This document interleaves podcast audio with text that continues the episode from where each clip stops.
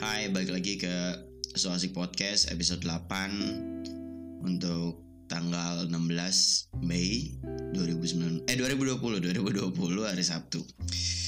Eh, Akhirnya kayaknya gue bakalan upload Sabtu pagi lagi. Eh, Apa kabar semuanya? Semoga baik ya. Gak kerasa udah episode 8 gitu Udah udah hampir dua bulan lebih. Eh dua bulan gak sih kalau tiap Iya dua bulan. Berarti udah dua bulan udah hampir 8 minggu. Gue konsisten buat podcast gitu. Dan banyak hal yang gue pelajari gitu selama sampai episode 8 ini gitu. Kayak gimana caranya eh, nulis topik yang bener. Walaupun gue nggak tahu ini ini bakalan guna atau enggak buat hidup gue tapi ya angkanya udah menunjukkan angka 8 gitu. Dua episode lagi bakalan dua digit gue nggak tahu gue bakalan ngelakuin ini sampai kapan. Tapi eh, satu hal yang amat berubah eh satu hal yang amat efeknya kerasa banget di gue adalah eh, otak gue agak lebih tenang sih sebenarnya. Maksudnya untuk lulu yang eh, pribadi yang overthinker ya eh overthinking overthinker itu kayak ngomong sendiri itu banyak meluapkan isi yang ada di kepala gitu. Biar nggak terlalu penuh aja kepala. Ya gue tau lah rasanya maksudnya over overthinking overthinker itu. Overthinking itu rasanya nggak enak banget sih maksudnya kayak keganggu banget gitu. Kayak ini belum dikerjain ini belum dikerjain. Nah, terus tiba-tiba kalau kalau masuk ke uh, deep question gitu kayak deep question. Lu pernah mengalami deep question ke diri lu sendiri gak sih? Kayak lagi ngelamun terus tiba-tiba anjing buat apa ya gue hidup ya? Gitu ya overthinker juga gitu overthinking gitu gitu. Maksudnya termasuk hal-hal kecil kayak aduh ini uh, pulang ntar gue makan apa ya? Aduh tugas yang ini belum dikerjain lagi. Ih nomor nomor 4 jawaban uas kemarin salah lagi. Ya banyak hal yang dipikirin lah sebenarnya. Eh, jadi podcast ini merupakan eh kalau kalau kalian termasuk orang yang overthinking podcast merupakan salah satu cara yang efektif untuk mengurangi beban itu menurut gua. Eh, corona pff, udah lama ya udah dari Maret udah hampir berapa berarti Maret? Udah memasuki bulan ketiga udah hampir tiga bulan sejak kita mengalami pandemi ini. Dan sudah menjadi hal normal yang baru gitu. Eh hal-hal yang aneh yang kemarin sudah menjadi hal normal yang sekarang. Misalkan kayak kuliah online sekarang semuanya udah kayak udah siap udah set up dengan uh, zoom mereka masing-masing atau sudah ngatur uh, lighting dengan bagus atau gimana caranya suara kita yang masuk uh, bagus uh, saat kita meeting atau gimana caranya kita um, apa ya uh, make up bagus di depan kamera. Ya termasuk itulah. Maksudnya itu udah jadi hal yang normal gitu ternyata selama tiga bulan ini. Udah jadi kebiasaan yang diulang terus menerus gitu. Terus eh, udah jadi kebiasaan. Kan kalau sesuatu hal untuk jadi habit gue lupa ya untuk jadi habit atau kebiasaan tuh. Kita harus mengulanginya tiap hari. Selama gue lupa selama 40 hari atau 21 hari gitu kayak ceritanya dulu, dulu pernah ada cerita tentang uh, menjadi biasa eh menjadi biasa akan sesuatu hal yang baru ya atau menjadi kebiasaan. Jadi dulu ada cerita ada keluarga kaya jatuh miskin. Terus uh, mendadak miskin gitu jatuh miskin. Terus anaknya nanya ke bapaknya pak ini kita kapan kaya lagi? Gitu. Terus bapaknya bilang "Eh, tunggu 40 hari dari sekarang Terus anaknya jawab, terus kita kaya lagi pak. Terus kata bapaknya, enggak kita akan jadi terbiasa. Maksud gue ya Ya tiga bulan adalah Waktu yang lama gitu Sehingga ini menjadi hal yang normal yang baru gitu. Semua semua. Kayak pakai masker keluar kayak kalau kayak keluar pakai masker atau sering cuci tangan pakai bawa bawa hand sanitizer gitu. Dan diberkatilah kalian para penimbun masker yang sekarang rugi bandar gitu sempat ramai juga di sosial media gitu. Penimbun masker ini rugi banyak gitu. Kayak mereka panik eh panik buying. Ah kalau panik buying kan kita panik terus membeli sesuatu ya. Tapi kalau kita panik terus kita ngejualin gitu apa sih? Panik selling gitu. Apa sih? Ya jadi gitulah. Jadi pada dijual-jualin lagi maskernya gitu. Pada rugi intinya. Terus hmm,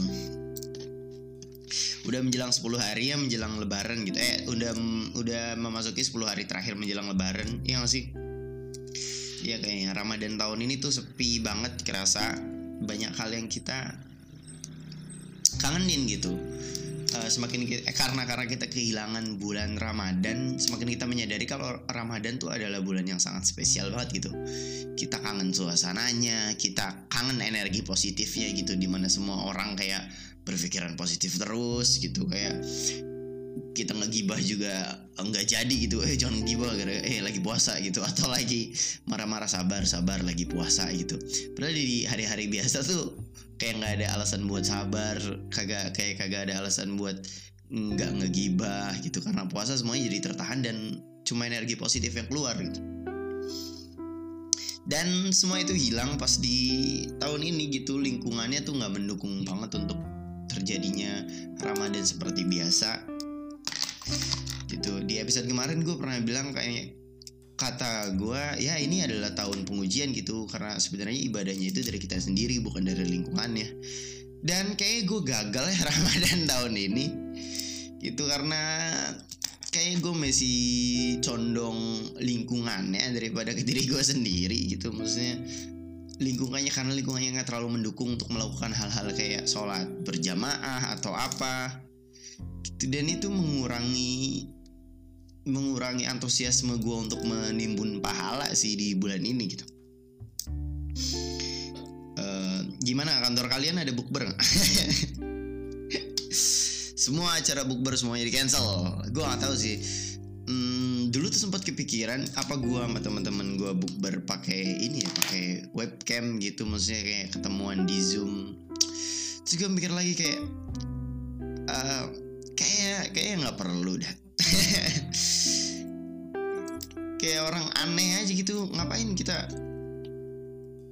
Nggak tahu sih ya. Kayak ada orang-orang yang kayak gitu juga bukber di depan laptop gitu pakai zoom atau pakai HP gitu sambil video kalau orang-orang. Buat gue itu yang hal yang aneh sih tapi kalau menurut kalian normal ya udahlah. Maksudnya kalau kalian mau ngobrol-ngobrol doang gitu nggak usah pas makan juga. Apalagi di video uh, ya kan ya? Eh sih. Tau lah pokoknya gue gak terlalu seneng kalau buku kayak gitu. By the way tiap tahun tuh sebenarnya di kantor gue di pabrik eh di, di kantor gue emang kantor punya siapa? Di tempat gue kerja tuh biasanya tiap bulan Ramadan itu tiap habis zuhur biasanya ada kultum. Jadi kantin semua dikosongin kita gelar karpet terus di situ eh ada kul iya ada kultum atau ada ceramah singkat-singkat. Dari narasumber-narasumber yang menarik gitu. Um, dan tahun ini nggak ada gitu. Itu ya salah satu hal yang berubah dari tahun ini. Terus uh, dulu tuh kita ada bukber. Bukber perusahaan gitu. Jadi ya ya bukber namanya bukber buka bersama berarti buka bersama satu perusahaan gitu. Dan yang jadi masalahnya adalah tiap tahun tuh ada budget untuk bukber gitu. Eh, ngerti ya jadi tiap tahun tuh kita di budget ada ada budgetnya buat bukber itu sendiri tuh ada gitu. Dan tahun ini kan tetap ada budgetnya ini tapi bukbernya tuh nggak ada. Jadi uh, eh, gue nggak tahu gimana sistemnya tapi kemarin hari Jumat ya hari Jumat sekarang hari Sabtu. Kemarin hari Jumat akhirnya kita dibagiin makanan gitu. Makanan bukber katanya ini. Terus ini uh, makanan bukber makan jatah makanan bukber jatah makanan bukber. Tapi uh, endingnya ya makanan itu dibawa ke rumah masing-masing aja gitu ngerti gak sih? Uh, ya endingnya dibawa ke rumah masing-masing aja. Ya ap, apa gitu? Ini ini makanan bukber jadi makanannya tuh dibagi ini satu-satu tiap orang. Tapi dibawa pulang. Jadi eh, jatah bukber tapi bukan buat bukber gitu. Buat beli makanan aja um, meeting online juga udah mulai jadi kebiasaan yang normal. Gitu kita udah tahu koneksi internet siapa yang cepet dan bisa jadi tethering gitu. Uh, kadang kita bela-belain pakai provider yang eh pakai pakai data yang lebih mahal supaya dapat suara atau video yang lebih jelas gitu. Dapat sinyal yang lebih kuat juga uh, gue jadi inget dulu pas pertama kali ini kan udah tiga bulan gitu pas pertama kali perusahaan gue ngadain training tentang pandemi ini covid-19 ini itu dulu satu Indonesia tuh panik ketika telah ditemukan uh, pasien corona. Satu Indonesia panik uh, maksudnya kita we're joking around gitu maksudnya kita ngelawak ke mana-mana tentang corona. Yuk kita nggak kita nggak bakalan kena corona karena kita makan nasi kucing lah atau karena suhu di Indonesia panas lah inilah ini. Eh ada motor lewat. Eh inilah ini. Iya. Terus kita semua takut gitu ternyata kita juga bisa kena gitu. Di Indonesia tuh udah ada ada dua langsung dua pasien lagi yang positif corona. Dan ketika pertama kali perusahaan gue mengadakan training eh mengadakan apa sih namanya training? Atau apa? Penyuluhan kali ya penyuluhan tentang penyakit ini. Iya semua orang ya di situ kayak ketakutan gitu. Kayak maksudnya uh, kita suzon banget. Kayak hmm, suzon banget tentang pintu yang kita tarik gelas yang kita ambil kursi yang kita dudukin, meja yang kita pegang, pulpen yang kita pinjam gitu. Kita kita suzon akan itu semua gitu. Pas awal-awal tuh. Nah, penyuluhan itu adalah penyuluhan dan meeting itu adalah meeting mencekam kali ya. Menurut gua kayak semuanya itu diem, gak ada yang ngobrol, gak ada yang apa, gak ada yang bisik-bisik, gak ada yang coret-coret buku, semua diem, semua dengerin, semua takut kalau ini kena dia atau keluarga yang dia sayangi gitu. Makanya semua memperhatikan gitu. Terus takut banget parno banget emang pada. Terus gue bisikin temen gue lu mau terkenal nggak di satu perusahaan? Gue bilang gitu. Terus kata dia kenapa emang belum? Terus gue bilang ya lu batuk sekeras kerasnya di sini pas lu terkenal.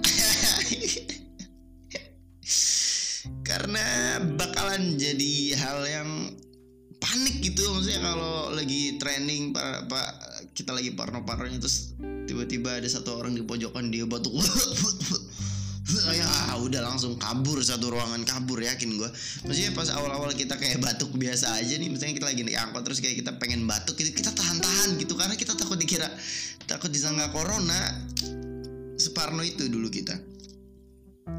Maksudnya setakut itu gitu. Eh, kita menyebarkan awareness dengan ketakutan. Dan itu yang dilakukan oleh uh, siapa tuh? Gubernur pemprov DKI si Anies si Anies. Pak Anies Pak Anies ini uh, pas awal-awal terjadi pandemi corona sekitar bulan Maret tuh dia membatasi transport eh transportasi massal secara ekstrim di Jakarta. Pembatasan itu membuat antrian panjang di halte Transjakarta, stasiun KRL, stasiun MRT. Terus beberapa hari selang selang keputusan itu, kan antri itu panjang kayak orang-orang ngeluh ini kenapa ini kenapa? gitu. Orang-orang mulai aware gitu. Aduh ini ini ngantri gitu ngantri kenapa sih ini ngantri? gitu. Kenapa harus diantriin? gitu. Katanya gini gini gini gini. Ya orang-orang pada ngeluh pada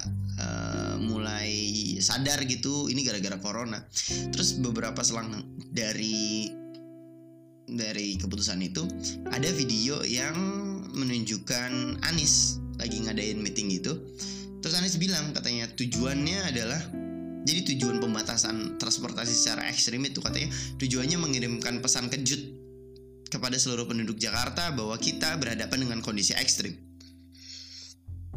Jadi ketika orang antri panjang, baru sadar oh iya ya COVID-19 itu bukan fenomena di WA yang jauh di sana ini ada di depan mata. Kata Anies gitu-gitu dalam unggahan video pertemuan pertama gugus tunas percepatan penanganan COVID-19 uh, dua hari setelah setelah apa pembatasan transportasi itu. Dan itu jenius sih menurut gua maksud gua. Kayak lu punya masyarakat yang sedikit apatis. Bukan sedikit malah apatis banget dan individualis. Apalagi di kota-kota besar apalagi di kota besar seperti Jakarta gitu. Dan cara yang cukup efektif untuk menyadarkan menyadarkan kesadaran orang-orang tentang penyakit ini gitu. Jenius sih menurut gua. Cara ini ya cara pembatasan ini untuk memberikan efek kejut atau pesan kejut itu ya bagus lah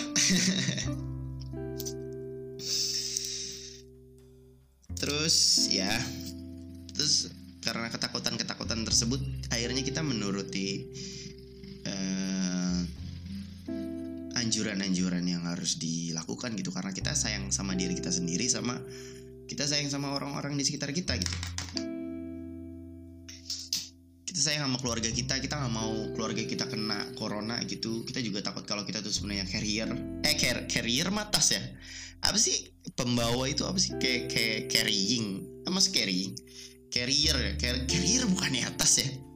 Apaan sih? Bahasanya pembawa pokoknya pembawa lah. Maksudnya nggak ada gejalanya tapi kita membawa virusnya gitu. Kita juga takut jadi yang pembawa itu carrier itu. Bodo amat lah carrier. Jadi kita mengikuti aju anjuran yang ada gitu kayak uh, cuci tangan sering cuci tangan gitu. Terus habis itu kayak pakai hand sanitizer terus habis itu pakai masker kalau keluar. Terus habis itu physical distancing atau social distancing gitu. Uh, terus kemudian berlanjut dengan PBB eh PBB berlanjut dengan PSBB kok PBB PBB main Persatuan Bangsa Bangsa PBB bahasa bahasa Inggrisnya apa sih? PBB bahasa Inggrisnya apa deh? Kok gue tahunya PBB adalah kok tapi PBB itu gue taunya Perserikat Bang bangsa-bangsa ya? PBB Perserikat Bangsa-Bangsa Inggrisnya gue nggak tahu. Oh United Nation disingkat UN tapi uh, nggak terlalu familiar ya United Nation. Kita selalu nyebutnya PBB PBB aja. Ya maksudnya kok kita jadi jadi bahas PBB kita melakukan semua anjuran pemerintah sampai yang terbaru itu PSBB gitu. Eh P PBSB P PSBB PSBB PSBB gitu ya dilakukan di beberapa daerah yang hasilnya cukup memuaskan gitu menunjukkan hasil yang signifikan. Laporan mereka sih gue juga nggak tahu sebenarnya. Karena takut men. Sekarang baca update berita terus gue takut sebenarnya. Eh takut. Ya termasuk ya takut sih sebenarnya. Jadi makin kayak nakutin diri sendiri aja gitu ya di tengah di tengah bekerja di rumah dan staying in house in home gitu gue hmm, gue pengen dengernya kabar baik doang sih. Nggak mau nggak mau nakutin diri gue sendiri aja gitu. Ya, gue jarang update tapi katanya katanya berhasil gitu it works. Dan di tengah usaha-usaha tersebut ya hmm, berseliwungan eh berseliwungan banyak gue sebenarnya males ya bahas bahas topik-topik yang jadi tren gitu karena kesannya kayak gue ngasih panggung gitu ke orang-orang bego-bego ini gitu. Kayak yang melanggar-melanggar ini kan yang bego-bego ini. Kayak kesannya kalau gue ngomongin tentang yang tren gitu orang bego jadi tren atau orang goblok jadi famous tuh kalau gue ngebahas itu kesannya gue kayak ngasih panggung gitu walaupun gue gatal buat ngomongin itu. Tapi diomongin sekilas aja ya. Di tengah usaha-usaha kita buat memerangi corona ini ada beberapa orang yang bikin kasus yang konyol gitu. Kok kasus sih bahasanya? Apa sih kalau kalau kasus peristiwa peristiwa peristiwa yang konyol? Kalau kasus tuh kesannya kayak pembunuhan. Peristiwa yang konyol. Kayak kejadian eh kejadian kasus dari youtuber favorit kita Ferdinand Paleka. Jadi kasus prank sembako prank sembako Ferdinand Paleka jadi Ferdinand Paleka itu seorang youtuber. Iya, jelas. Jadi dia tuh buat konten prank sembako, isinya itu uh, sampah. Ya gue gue pasti tahu lah, lo lo tahu kasus ini gitu. Tapi gue nggak mau nggak mau, ya ini sekilas aja lah. Uh, jadi Ferdinand Paleka itu memasukkan makanan basi dari sampah ke kardus yang disebutnya sembako. Kardusnya itu kayak kardus Indomie gitu. Terus habis itu dia bagi-bagiin gitu dalam sebuah video konten yang diunggah di akun YouTube, akun YouTube ya. Dia nih Ferdinand Paleka sama dua orang temannya itu dia ngelakuin prank bantuan sosial bagi-bagi sembako pada waria di Kiara Condong, Bandung, Jawa Barat gitu. Uh, terus terus ya ya. Maksudnya bangsa tai sebenarnya sih. Ya ini mah nggak usah di inilah nggak usah di nggak usah di nggak usah dibener-benerin gitu. Terus sampai masuk media Inggris gitu. Hmm, berita media asing itu sampai masuk berita media asing Mirror ter tepatnya gitu. Dia diterbitkan di Senin 11 Mei 2020 dengan judul YouTuber arrested after handling our boxes of rubbish discuss as food. Eh gue gak tau lah artinya. Pokoknya itulah aja. Judulnya Terus akhirnya dia ditangkap, dia sempat bikin video klarifikasi yang makin menyulut amarah kita gitu. Karena dia isi video klarifikasinya ya kayak uh, saya meminta maaf atas apa yang uh, saya lakuin gitu, tapi bohong gitu, endingnya gitu. Kayak kita udah kehabisan uh, apa ya kehabisan kata-kata lagi sama orang-orang goblok ini. Aduh, terus dia akhirnya ditangkap tuh. Jadi rumahnya tuh rame katanya. Eh, malamnya didatengin banyak orang gitu malu-maluin kampung emang bangsatnya. Uh, kayak kalau dia keluar dari penjara juga kayak dijauhi di kampungnya nih. Gue gak tau abis keluar dari penjara dia bakalan dapat pacar atau enggak ya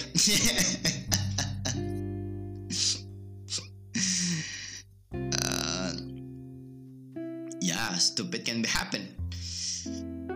Terus dia ditangkap akhirnya pada hari Jumat. Jumat malam. Bukan malam Jumat ya Jumat malam. 8 Mei 2020 ditahan di Polrestabes Kota Bandung Jawa Barat. Terus ya tau ya yang lucunya dari berita Indonesia tuh banyak sih. Ya banyak beberapa ini kan kasus yang heboh gitu kasus yang heboh. Jadi media-media tuh kayak nyari-nyari celah gitu ini apa judul headline yang unik yang uh, sisi lain dari kasus ini gitu. Kayak ya kayak ini nih kita kayak ada media yang memberitakan tentang kalau uh, kalau kasus ini masuk ke uh, berita berita luar negeri gitu media-media berita luar negeri gitu kayak ah, apa gitu? Kita bangga apa gimana? Masuk ke media luar negeri tuh. Gak ngerti gue maksudnya bangganya di mana? Gue sih nggak bangga ya jujur ya. Kayak buat apa gitu. Masih Ferdinand kan kasihan Ferdinand dia udah gak keterima di kampung. Kalau keluar negeri susah lagi oh you're the fucking Ferdinand gitu. Dia dijauhin gak sih? Gue gak tahu sih. Ya di tengah usaha-usaha kita memerangi ada orang-orang kayak gini gitu. Dan masih banyak yang belain sebenarnya. Kayak ada yang nyerang ke warianya gitu. Kayak waria tuh salah gini gini gini PSBB ini harusnya nggak di sini. Eh karena PSBB harusnya jangan berkeliaran. Gini eh, banyak memberi pembenaran-pembenaran aja sih isinya gitu. Terus terus terus mulu ya gue gue haus lagi gue ambil minum dulu gimana? Hmm, nanggung deh. Iya. Gue ambil minum dulu deh. Oke kita lanjut. Nyampe mana tadi? Iya Ferdinand Paleka emang ngeselin emang. Terus habis itu di tengah kita memerangi corona ini juga ada kasus terbaru banget nih. Kayaknya belum nyampe seminggu kasus eh kasus atau peristiwa dari youtuber Indira Kalista. Ini kayak nama teman gue nih belakangnya Kalista. Hmm, temen gue ada tuh namanya bla bla bla Kalista. Dia tuh kalau ngenalin nama tuh dia selalu pengennya Kalista yang disebut duluan. Eh, kayak nama-nama orang British gitu. Jadi youtuber Indira Kalista ini Indira Kalisna dia by the way dia istrinya Gustav siapa sih namanya? Gustav ya? Gustav dari Jakarta Beatbox. Dulu gue sempet ngikutin tuh karena gue lumayan eh lumayan suka. Dulu sempat ada masa-masanya gue tuh suka beatbox gitu. Kayak gue suka nepom gitu. Uh, otomatis kan lokalnya juga gue searching searching kan. Maksudnya Jakarta beatbox ada Gazel ada Melvin ada Gustav nah Gustav ini uh, suaminya si Indira ini. Dia tuh jadi si Indira Kalista ini di wawancara di channel YouTube-nya si Gri siapa? Grita Grita gimana sih cara bacanya Grita Grite Grite. Grite Agatha. Uh, si Grit Grit aja lah si Grit. Gue gak tahu lagi bacanya gimana. Anjing kurang riset nih gue bahasa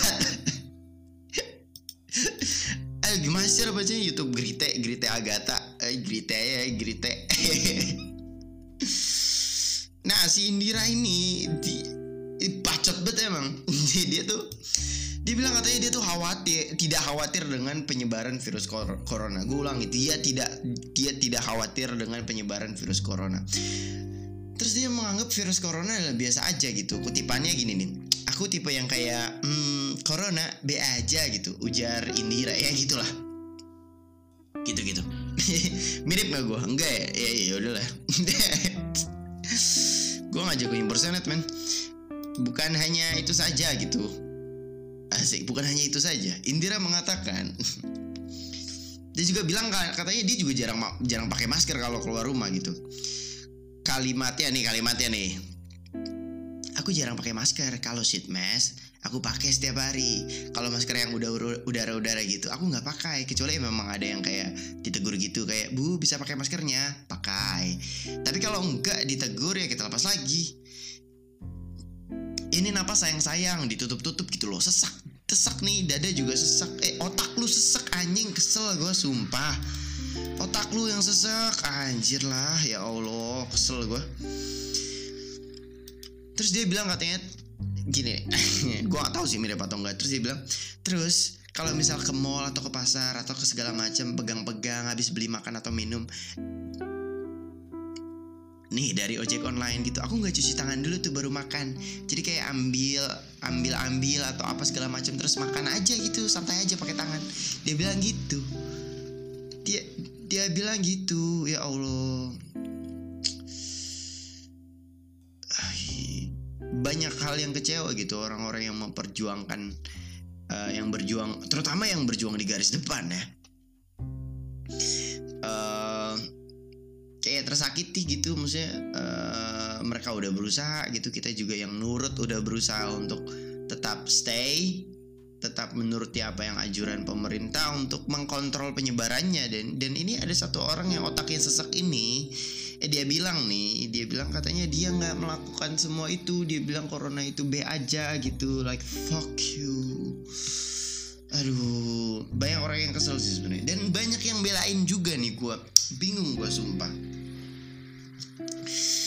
Kenapa banyak yang belain gitu? Ya katanya eh, ada yang ngebelain kayak corona tuh konspirasi lah inilah itulah. Terus yang paling gue sebel nih soal kasus-kasus gini itu adalah senjata yang dia pakai adalah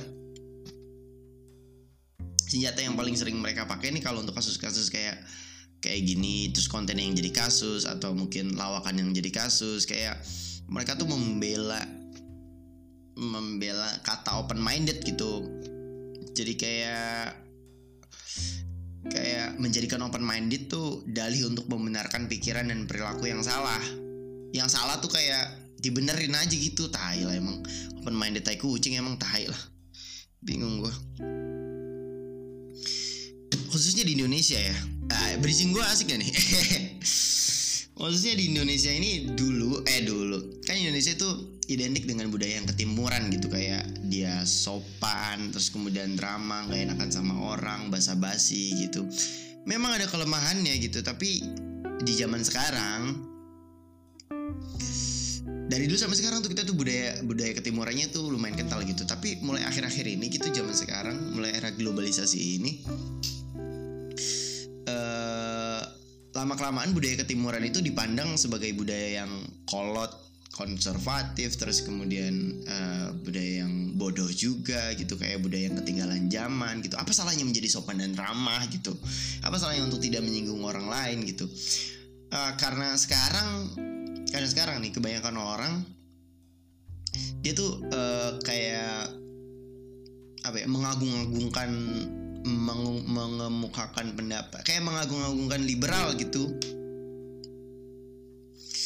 Mengagungkan liberal maksudnya kayak semua orang bebas lah inilah itulah. Makanya lahirlah atau kekinian lah kata open minded ini.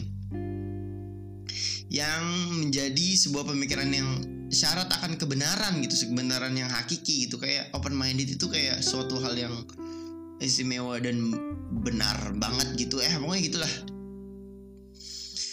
dan makin ke sini gitu makin makin kerasa gitu. Orang-orang nih rese pada berlindung di kata open minded tai kucing ini.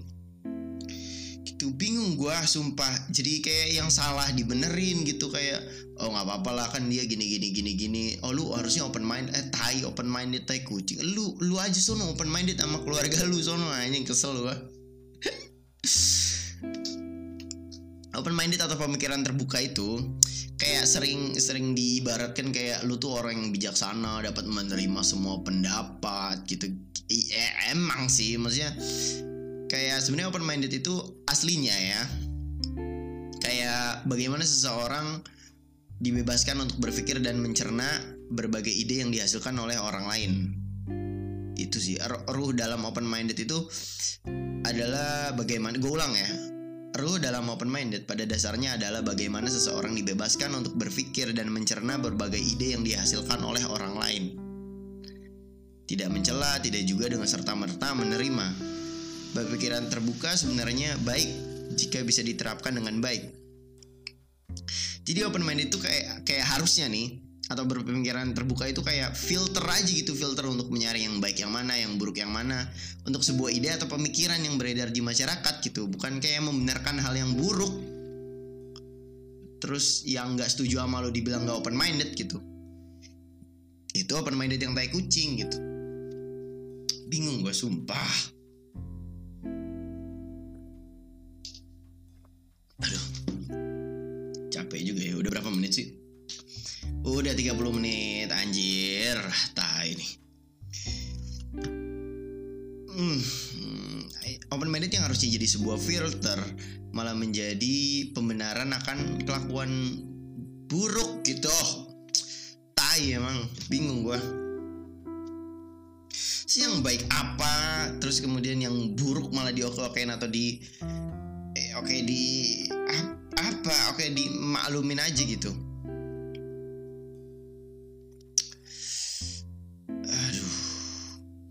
contohnya kayak uh, mungkin ya eh mungkin. Ini contoh con, contohnya kayak orang-orang Indonesia itu kan rata-rata beragama ya. Terus kayak diajarin kalau seks bebas itu haram narkoba minum minuman keras juga sama memperolok agama adalah perbuatan yang dosa.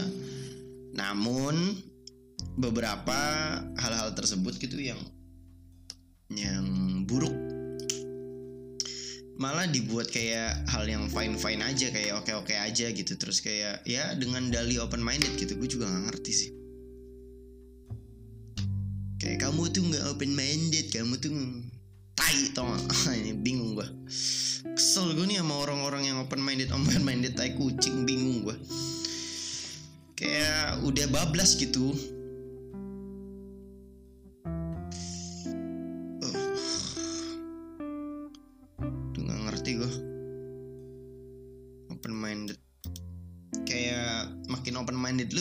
nggak tahu lu tuh siapa gitu. Kayak makin open minded jadi kayak gue nggak nyalain open minded sebenernya baik kok memfilter mana yang baik mana yang buruk gitu. Menerima ide tanpa mencela tanpa itu baik bagus, bagus banget malah nih. Tapi ini nih ada nih di di di spektrum itu di diagram itu nih ada nih satu open minded tai kucing nih. Kesel gue sumpah. Yang kayak hal-hal buruk tuh ya di, dijadikan baik gitu dijadikan fine fine aja gitu. Oh lu nggak open minded sih kayak gini tuh nggak apa-apa tau gini gini gini. Tai lah tai itu open minded tai kucing tuh anjing kesel gue astagfirullah. Bulan puasa tapi tapi nggak apa-apa belum imsak. Gue rekornya belum imsak jadi nggak apa-apa kali ya. Nggak apa-apa kali ya gue makin-makin ya kasus-kasus yang aneh kasus-kasus yang beredar di masyarakat terus mendapat pembelaan padahal kita tahu itu buruk itu open minded tai kucing. Bingung gua. Jadi kita tuh nggak tahu gitu mana yang benar mana yang salah. Eh man, bener ya? Mana yang benar mana yang salah mana yang buruk mana yang baik mana yang baik mana yang buruk. Gara-gara open minded open minded dan ini gitu kita tuh ngapain sih sebenarnya turun gitu turun aja gitu. Kayak standar kita ber, dalam bermasyarakat dan berpikir tuh kayak turun gitu gara-gara open minded tai kucing ini ya. Open minded tai kucing ya ini bukan open minded yang beneran ya. Open minded tai kucing ini. Jadi makin turun nih anjing. Maksudnya kita perkembangan manusia tuh yang diagramnya lagi naik-naiknya nih kita saling berdebat berdiskusi tentang hal-hal penting open minded yang benar eh ini nih nyelip open minded orang-orang yang pakai open minded tai kucing ini nih merusak segalanya nih tai yang bingung gue ini yang ngehambat umat manusia maju dan menciptakan mobil terbang nih orang-orang open minded tai kucing nih anjing. Suzon gue Astagfirullah. Maksud gue Gue mending gak jadi orang yang open minded Tapi tahu apa yang gue pikirin gitu. Kayak gue tahu mana yang buruk Mana yang baik. Udah gak usah open minded open minded Tapi uh, gue tahu mana yang buruk Mana yang eh oh ini buruk Ini ini salah Ini baik Ini jelek gitu. Kayak sekarang tuh bordernya jadi gak jelas gitu. Boundariesnya tuh atau pembatasnya tuh jadi gak jelas. Itu kayak yang buruk aja kayak oh iya iya, iya kali ya iya bisa kali akhirnya jadi baik-baik aja gitu. Kayak nggak gitu dah konsepnya Ih, bingung gue gara-gara kasus-kasus ini. Gue jadi pengen bahas tentang open minded tai kucing ini nih. Uh, Udah 36 menit. Udah mau 40 menit ini sebenarnya rata-rata di 40 Kemarin, kemarin. Kemarin tuh satu jam lebih. Sebenarnya uh, bisa uh, nyampe. Rekaman aslinya tuh nyampe satu jam 30 menit. Cuma gue edit dari 30 menit awal aja tuh mana yang harus dipotong mana yang enggak. Terus kan kalau 30 menit udah gue edit sisanya kan sejam lagi nih.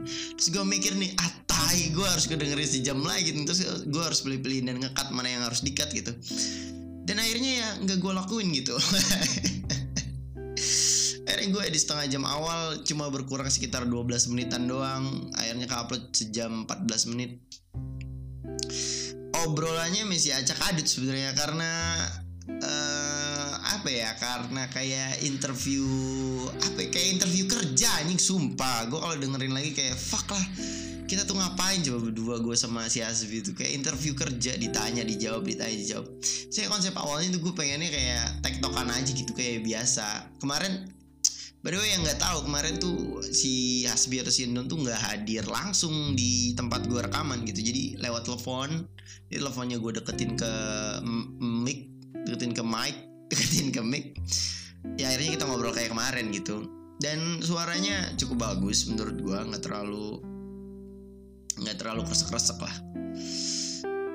Um, dan kemarin tuh sempet ada kayak apa ya error kali ya jadi udah hari pertama gue upload yang dengerin baru satu kata gue anjing kenapa yang dengerin baru satu? Maksud gue si Hasbi ini nggak ada ini apa nggak ada nggak ada karismanya sama sekali atau apa biar biar orang pada denger tuh nggak ada karismanya sama sekali apa gimana sih? Cuma satu orang doang yang dengerin tapi ternyata setelah dua hari tiga hari eh setelah dua hari sih lebih tepatnya.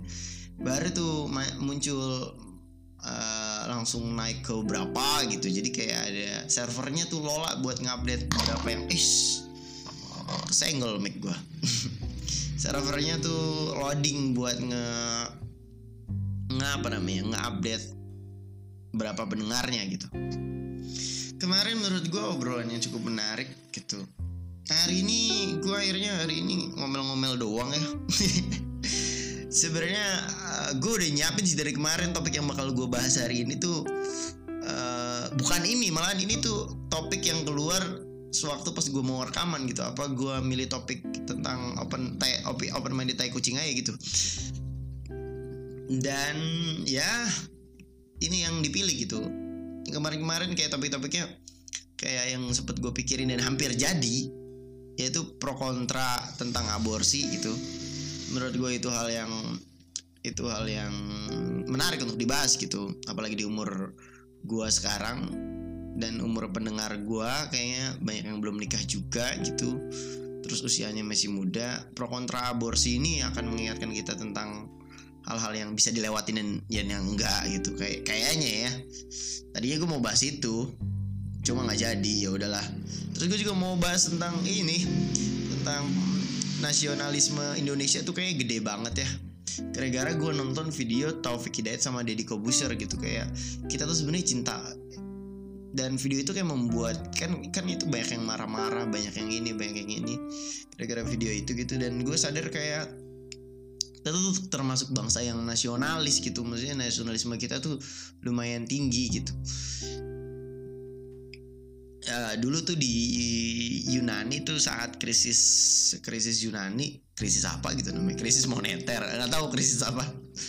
Orang-orang tuh pada pindah ke warga negaraan gitu dan. Ketika gue nanya ke diri gue sendiri dan uh, gue gak nanya ke orang-orang sekitar sih tapi ketika gue lihat keadaannya sekarang kayak orang Indonesia itu melepas ke warga negaraan itu uh, agak sulit ya gak sih? Kayak maksudnya kayak cinta Indonesia bener-bener cinta Indonesia gitu. Dan itu hal yang bagus menurut gue kayak gue nggak nggak nggak nyadar aja gitu selama ini. Maksudnya kalau dikasih pilihan gue mau pindah negara gitu kayak gue pikir-pikirnya lama gitu karena gue cinta banget sama negara ini gitu. Uh, kalau gue tanya ke lu juga lu pasti bilangnya cinta cinta sama negara ini kok gue juga gitu? Oke. okay. Terus tadinya gue juga mau bahas Laos. Ini gue jadi bahas topik-topik yang gagal nih. Bisa jadi topik yang baru. Ya gue bilang tadinya gue mau bahas Laos Gara-gara dia nggak punya ini nggak punya laut. Gue tuh bingung Laos kan nggak punya laut kan ya? Jadi dia tuh di sekitaran apa Vietnam, Myanmar, Thailand Jadi dia tuh nggak punya laut gitu. Terus gue bingung itu bertanya-tanya aja. Jadi Laos tuh sebenarnya punya angkatan laut atau enggak gitu loh? Lu gue pikir aja sih Laos tuh punya angkatan laut atau enggak? Terus uh, pasti musik yang paling gak laku di sana adalah musik reggae gitu karena nggak ada pantai di sana anjir. India senja-senja gitu juga gua nggak laku di sana. Karena yang nggak ada pantai aja gitu. Nggak ada pantai terus Hawaiian shirt juga yang sekarang uh, lagi tren lagi lagi naik lagi nih baju-baju Hawaiian shirt nggak laku kayaknya di sana juga bingung gua. Ya musik-musik kayak menikmati senja gitu. Terus referensi buku mereka juga referensi puisi-puisi mereka juga ya pasti bukan bukan pergi ke pantai tapi masuk ke hutan gitu. Suara alam dari kayu-kayu gitulah. Ya gue penasaran aja sih bagaimana kebudayaan atau culture mereka tanpa laut gitu. Kayak liburan ke pantai eh, bikin video klip di, di pantai itu kayaknya harus keluar negeri dulu gitu ya sih lihat laut tuh seneng mereka. Gua gua nggak ini ya nggak nggak heran kalau kalau di Indonesia tuh beberapa anak-anak mudanya kayak ber, berencana eh bermimpi untuk kuliah di luar negeri nih. Anak-anak di sana ya bermimpi untuk melihat laut gitu dan itu harus keluar negeri gitu. Jadi gak heran kalau ada anak-anak di Laos nih. Dia bermimpi untuk melihat laut gitu atau kayak aku mau studi abroad supaya bisa ngelihat laut gitu atau gue mau uh, pergi ke Indonesia kuliah di Indonesia kenapa? Eh, pengen lihat laut aja gitu mungkin kali ya. Nggak tahu nih ini udah kepanjangan udah 43 menit uh, thank you. Uh, ini, ini gue harus taruh jingle jinglean gak sih? Di awal sama di akhir Teng teng teng teng teng so asik podcast oh gimana Gak usah lah ya, gak usah taruh jingle-jinglean gitu. Hmm, oke okay, then, bye.